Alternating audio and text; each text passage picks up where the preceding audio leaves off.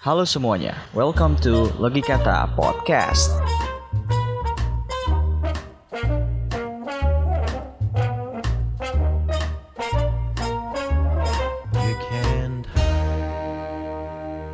Kembali lagi bersama gue Muhammad Rifki Ashraf. Pada podcast kesekian Gue lupa keberapa sekarang Em, Kelima kalau nggak salah.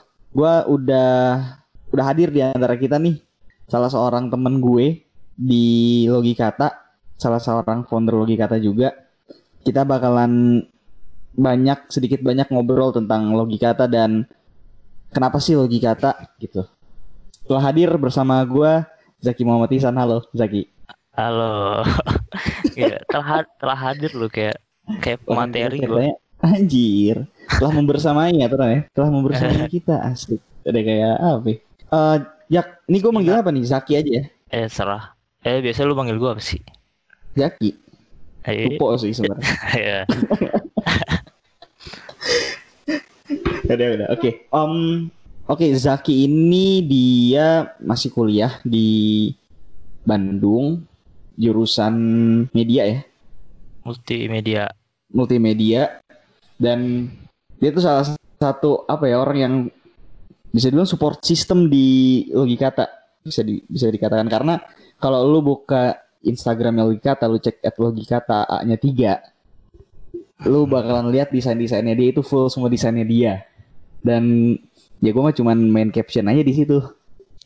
Sebenarnya Logikata tuh apa sih? Kalau menurut lu pribadi nih mungkin banyak yang bertanya-tanya langsung aja. Eh jadi awalnya kan ini awalnya awalnya cerita awalnya dulu kali ya.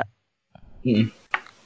Jadi awalnya gue lagi berselancar di Twitter biasa Mm. terus tiba-tiba muncul di timeline ada Asrop share tulisan dia di blog dia. Nah saya kira terus akhirnya gue baca tulisannya si Asrop nih. Gue baca waktu itu tentang apa ya? Lupa gue bacanya tentang apa. Yang lu komen ya kalau nggak salah ya. Apa sih tentang apa? Ah, ah, lupa gue tapi tentang apa. Habis itu gue jadi sering buka blog lu lah. Terus gue ajak lu eh, buat Zain. Asrop buat Zain lah kita.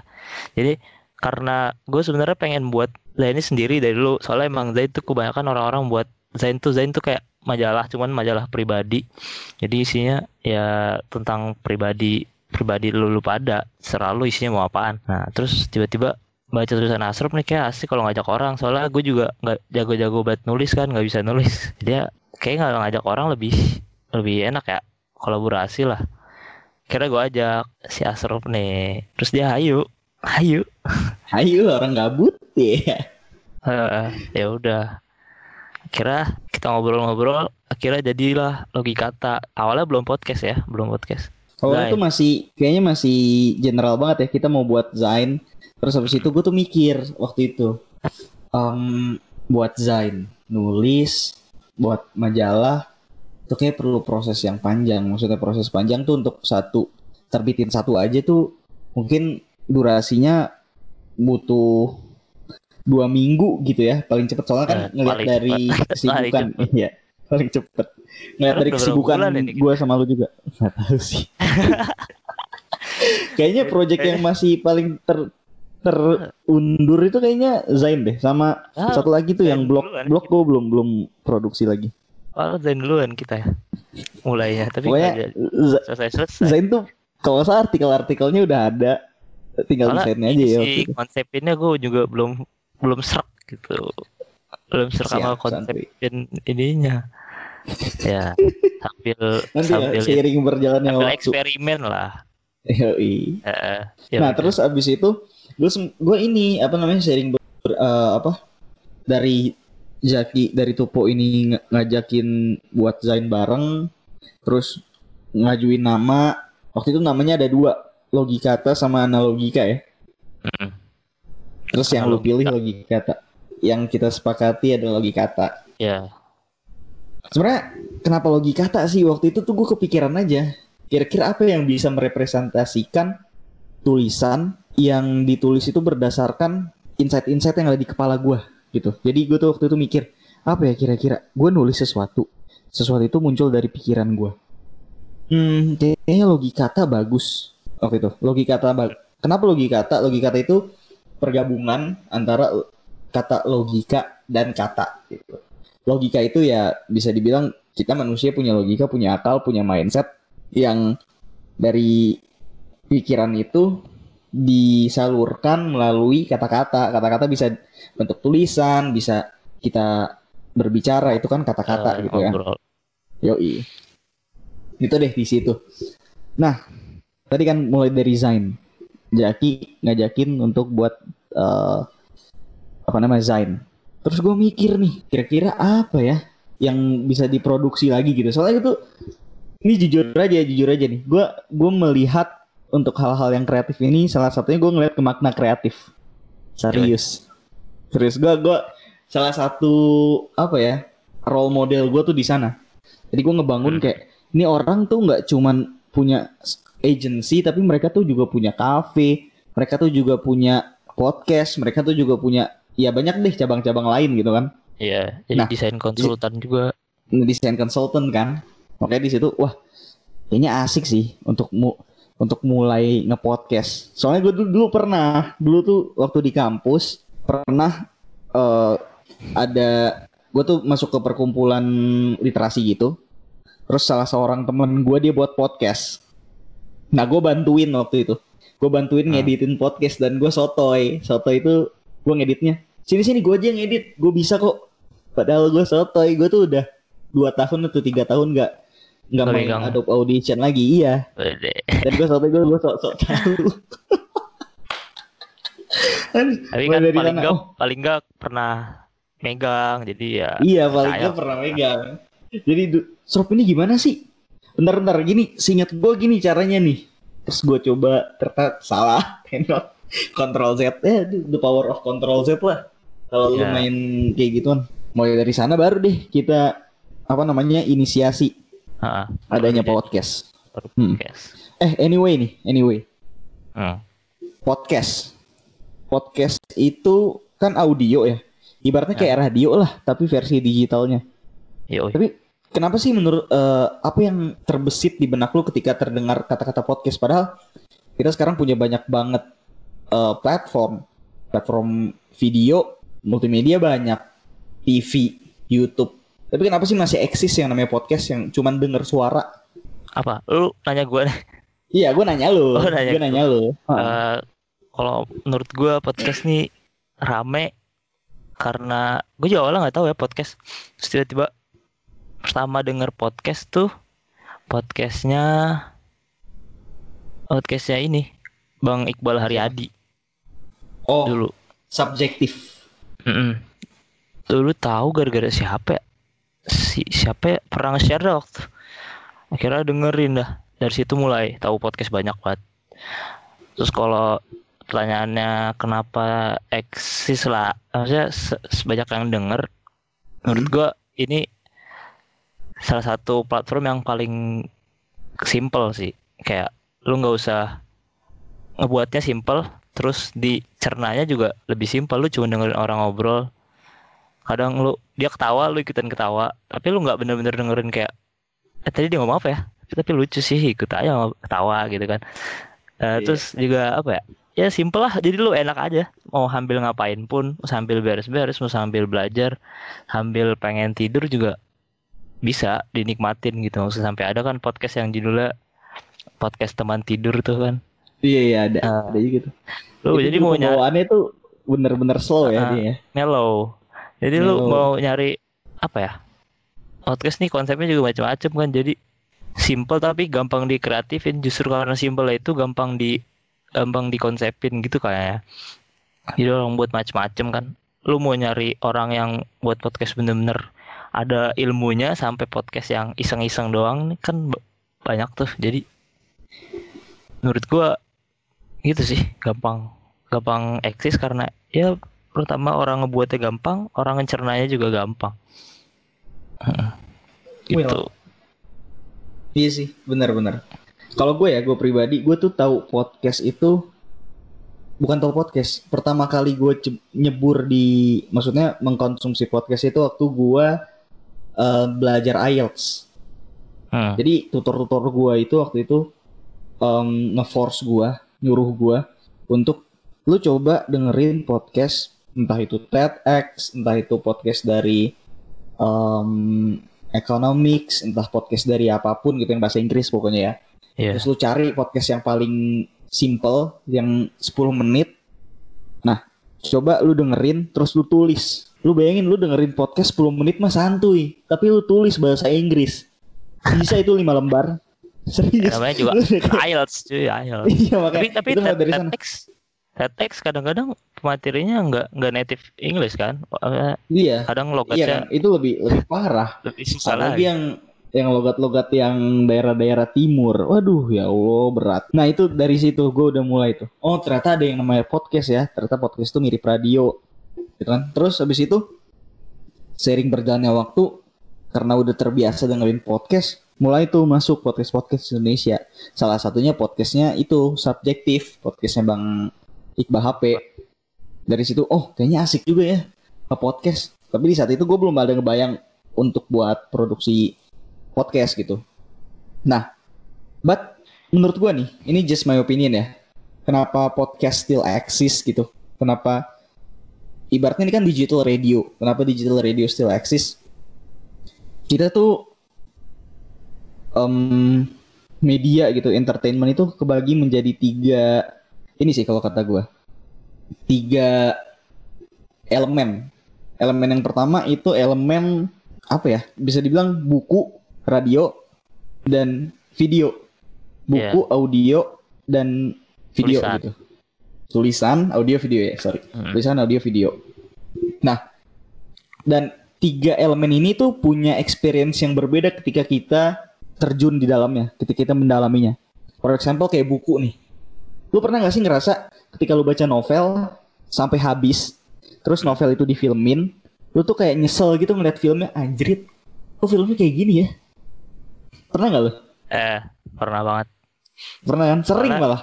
Eh, soalnya dia ini kan apa ya kalau novel kan lu baca terus visualisasinya visualisasi lu pribadi Iya, iya. Nah, kalau lu nonton filmnya pasti eh kadang kecewa karena oh ini visualisasi orang lain Iya, itu makanya. Nah, kalau menurut gue yang audio ini itu something in between tulisan dan video.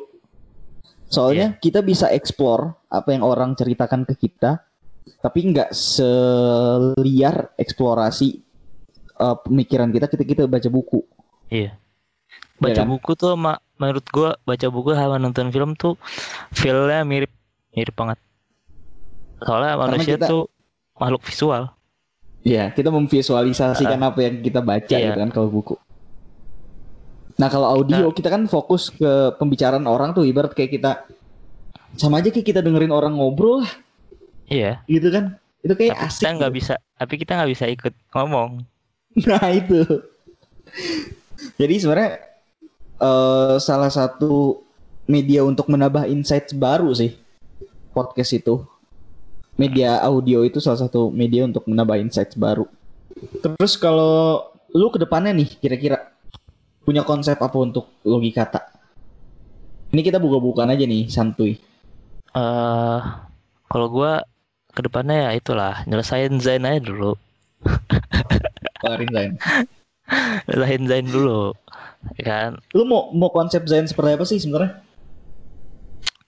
eh kayak yang udah gue kasih referensi-referensinya waktu itu kan intinya Hmm. mah tentang ke keresahan kita lah jadi kadang kan kita suka apa ya, kayak lagi kesal banget gitu terus bingung mau nyalurin ke mana terus kata gue wah ini kayak tulisan bagus cuman gue nggak bisa banget nulis kan. Tapi gue juga Hmm. udah nyoba-nyoba lah nulis mah.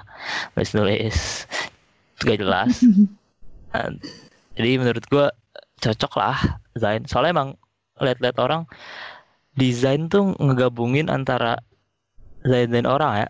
Yang gue pernah lihat Hmm. Zainnya si Eugene Sik Zainnya yang waktu gue share siapa namanya? Gogo Mimi Nene yang waktu gue share Oh, ke iya, lo gitu. Yang cewek. Terus Yang mm-mm, Zainnya Austin Cleon itu isinya kan keresahan-keresahan dia. Semua. Terus sama dia dikasih gambar yang yang yang yang unik banget yang khas banget. Nggak ada lu temuin di mana-mana. Cuman punya dia. Walaupun Zain awalnya. Dan itu awalnya dari eh, potongan potongan-potongan majalah, potongan-potongan koran, potong-potongan majalah-majalah lu potong lu satuin di kertas lain jadiin buku. Awalnya Zain gitu. Itu yang yang kayak di film-film detektif gitu gak sih? Yang lu Iya, clipping. nah, yang kayak gitu. Ya, clipping gitu. Oh Zain Jadi Zain berarti awal- awalnya itu. Awal dari kayak gitu.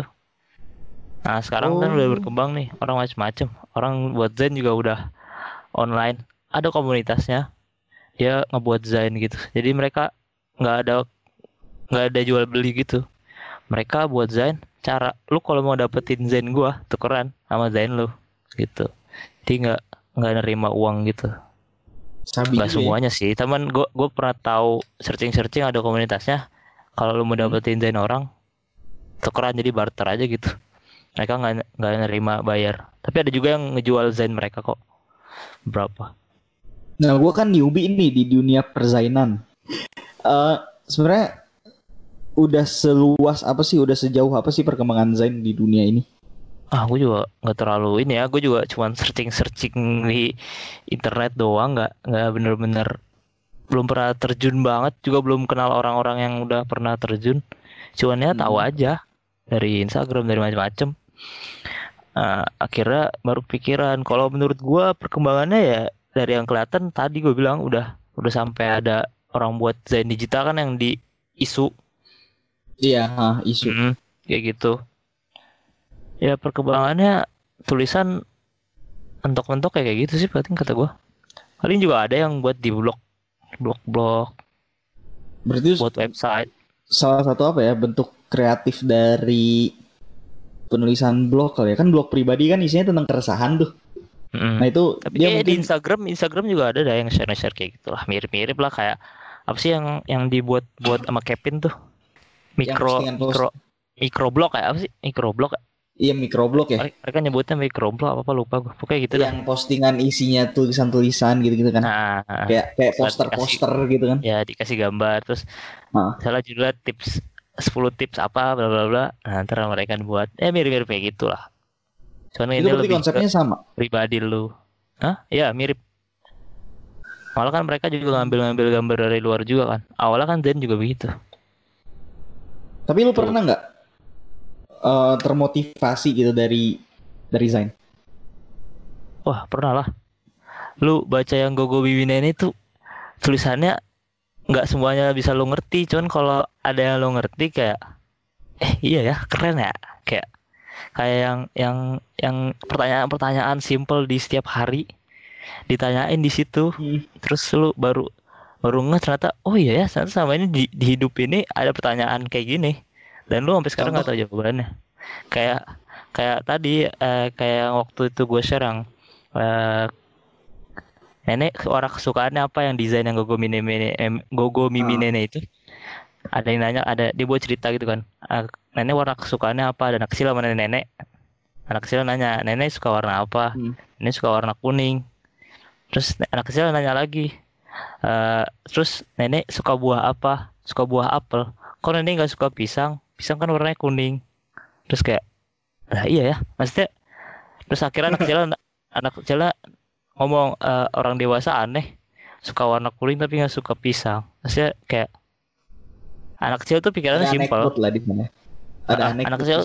Ah, ah, tapi juga coba lu pikir maksudnya iya ya bener ya orang tuh nggak orang tuh sesimpel itu tapi sekompleks itu juga manusia tuh sesimpel itu tapi sekompleks itu juga jadi nggak bisa sesimpel lu lihat orang dari satu hal nih misalnya dia suka warna kuning terus ternyata dia nggak suka pisang ya udah emang emang beda satu warna satu eh, buah dengan warna yang Buah. sama Heeh. Iya.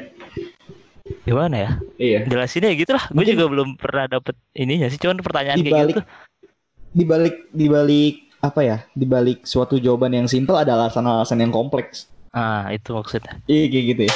warna Iya kan sebenarnya- simpel dibilang kenapa suka juga orang kadang nggak tahu cuman namanya warna hal yang simpel pun ada psikologinya kan gue juga belajar tuh kan di kuliah ada psikologi desain psikologi tentang warna-warna macam-macam ternyata nggak sesimpel itu sampai gue pernah baca ada artikel di medium Nah, lu mulai nulis di medium juga kan sekarang? Udah mulai dikit-dikit. Gue baru baca di medium. Lu udah baca artikel gue, jelek tulisan gue. Lu belum baca yang di medium.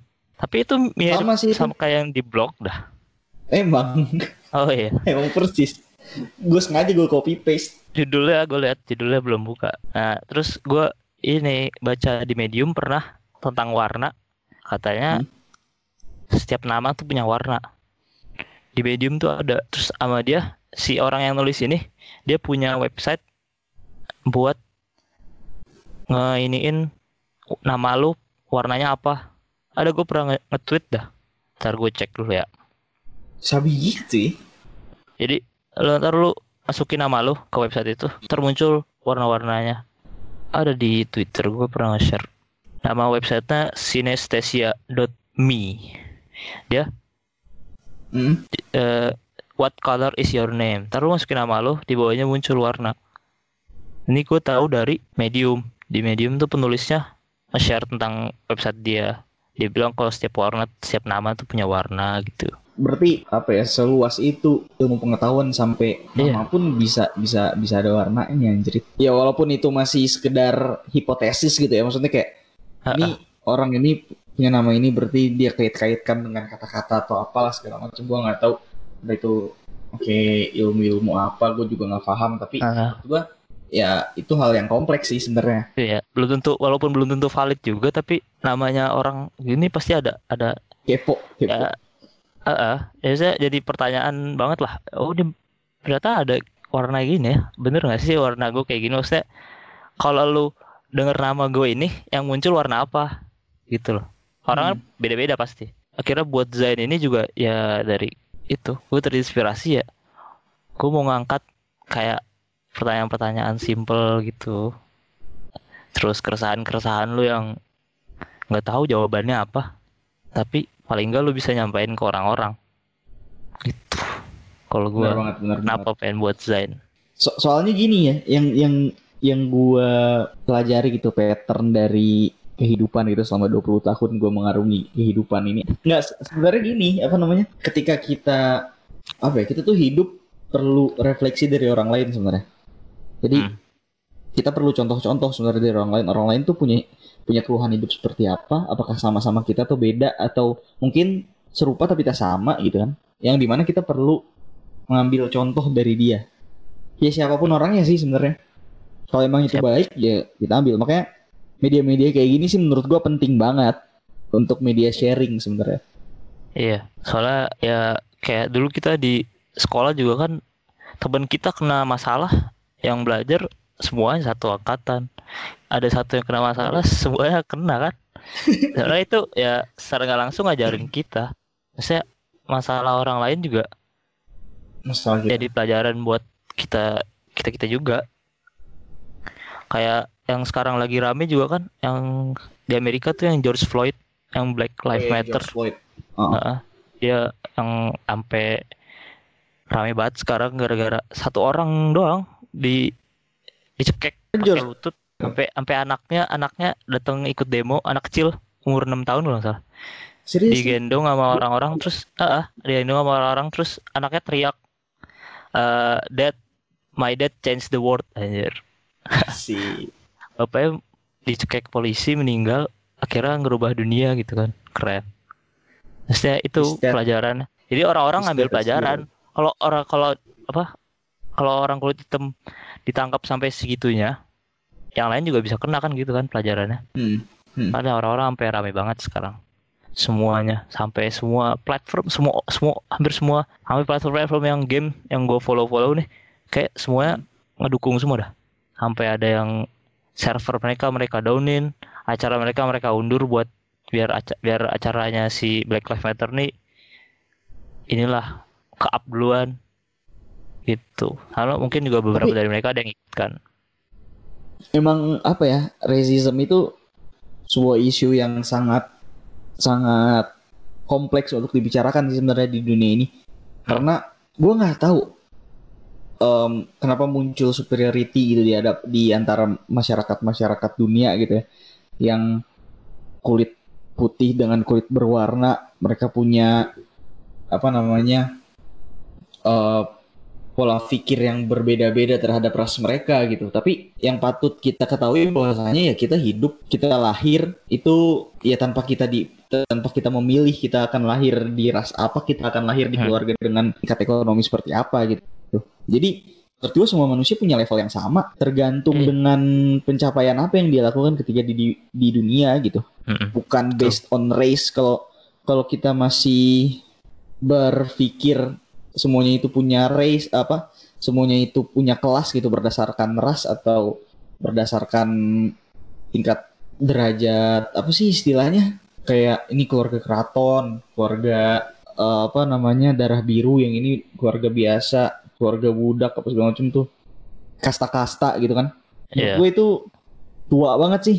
Maksud gue gini loh teknologi aja improvement. Masa mindset kita nggak ada improvement sama sekali pak? Heeh. gila. Maksudnya kan yang yang yang ngembangin teknologi manusia. Masa manusia nggak bisa ngembangin kalah kalah sendiri. eh, kalah sama ciptaan sendiri gitu kan. Iya makanya. AI aja sekarang udah bisa belajar. Masa AI aja udah bisa nyiptain bahasa mereka sendiri kan? Robot. Mm-mm. makanya sih penting sih menurut gua media-media kayak gini. Entah itu podcast entah itu Zain entah itu hal-hal yang lain. Mau di Instagram mau di blogspot. Ya intinya human touch itu harus terus disalurkan gitu untuk menjadi Ah. refleksi kita eh, Iya sebenarnya. Jadi kalau lu lu pribadi punya apa? Maksudnya harapan ke depannya logika tuh bakalan kayak gimana? eh, harapan gue sih nggak terlalu gede gede banget ya paling eh paling enggak paling utama lah lu bisa nyampain keresahan kita pribadi. Terus eh kalau bisa ngasih ilmu ke orang-orang yuk oke banget kan kayak ngasih pengalaman orang orang lain ke masuk ke platform kita. Kayak kemarin lu collab sama Jedan sama anak-anak luar negeri teman-teman kita dulu yang ada siapa aja tuh? Ada Ilham Peril TJ Ucup, DJ. Cup nah itu yang kayak gitu kan jadi ilmu juga buat ke yang lain misalkan adik-adik kelas kita pengen masuk kuliah di luar negeri terus Jedan juga yang ketemu eh, apa anak-anak motor sampai ke luar negeri buat tengah acara pameran motor ya apa sih acaranya Iya, Ya, itulah cara pokoknya. motor motor. sampai akhirnya Dan- dia ketemu sama apa anak-anak yang motor yang umurnya jauh lebih tua dari dia Iya, dia masuk Itu ke kan? klub Ah, klub motor klub gitu. Outlander. nah itu Eh, kan akhirnya sorry. akhirnya ngasih ngasih balik lagi ke yang tadi kan apa pelajaran refleksi. orang lain eh, refleksi orang lain buat kita kita juga gitu itulah sih intinya sebenarnya nggak nggak ada harapan yang spesifik sih ya. Asalkan kita selama kita berkarya dan hasil karya kita bisa dimanfaatkan dengan baik, bisa bermanfaat buat orang banyak ya, it's okay sih.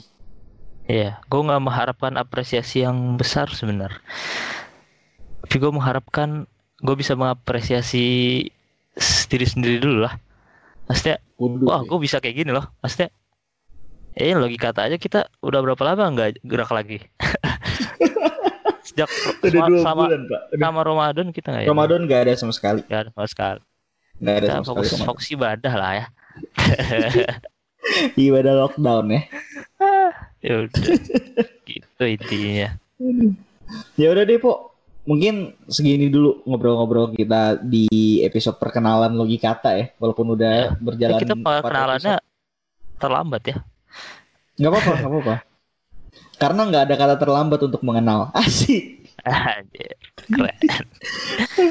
Oke deh, thank you banget ya. Nanti sampai jumpa di episode-episode selanjutnya dan stay tune buat teman-teman semua. Kita punya banyak banget ide-ide uh, something-something yang menarik yang bakalan kita publish di kemudian hari. Terima kasih sudah setia mendengarkan Logikata.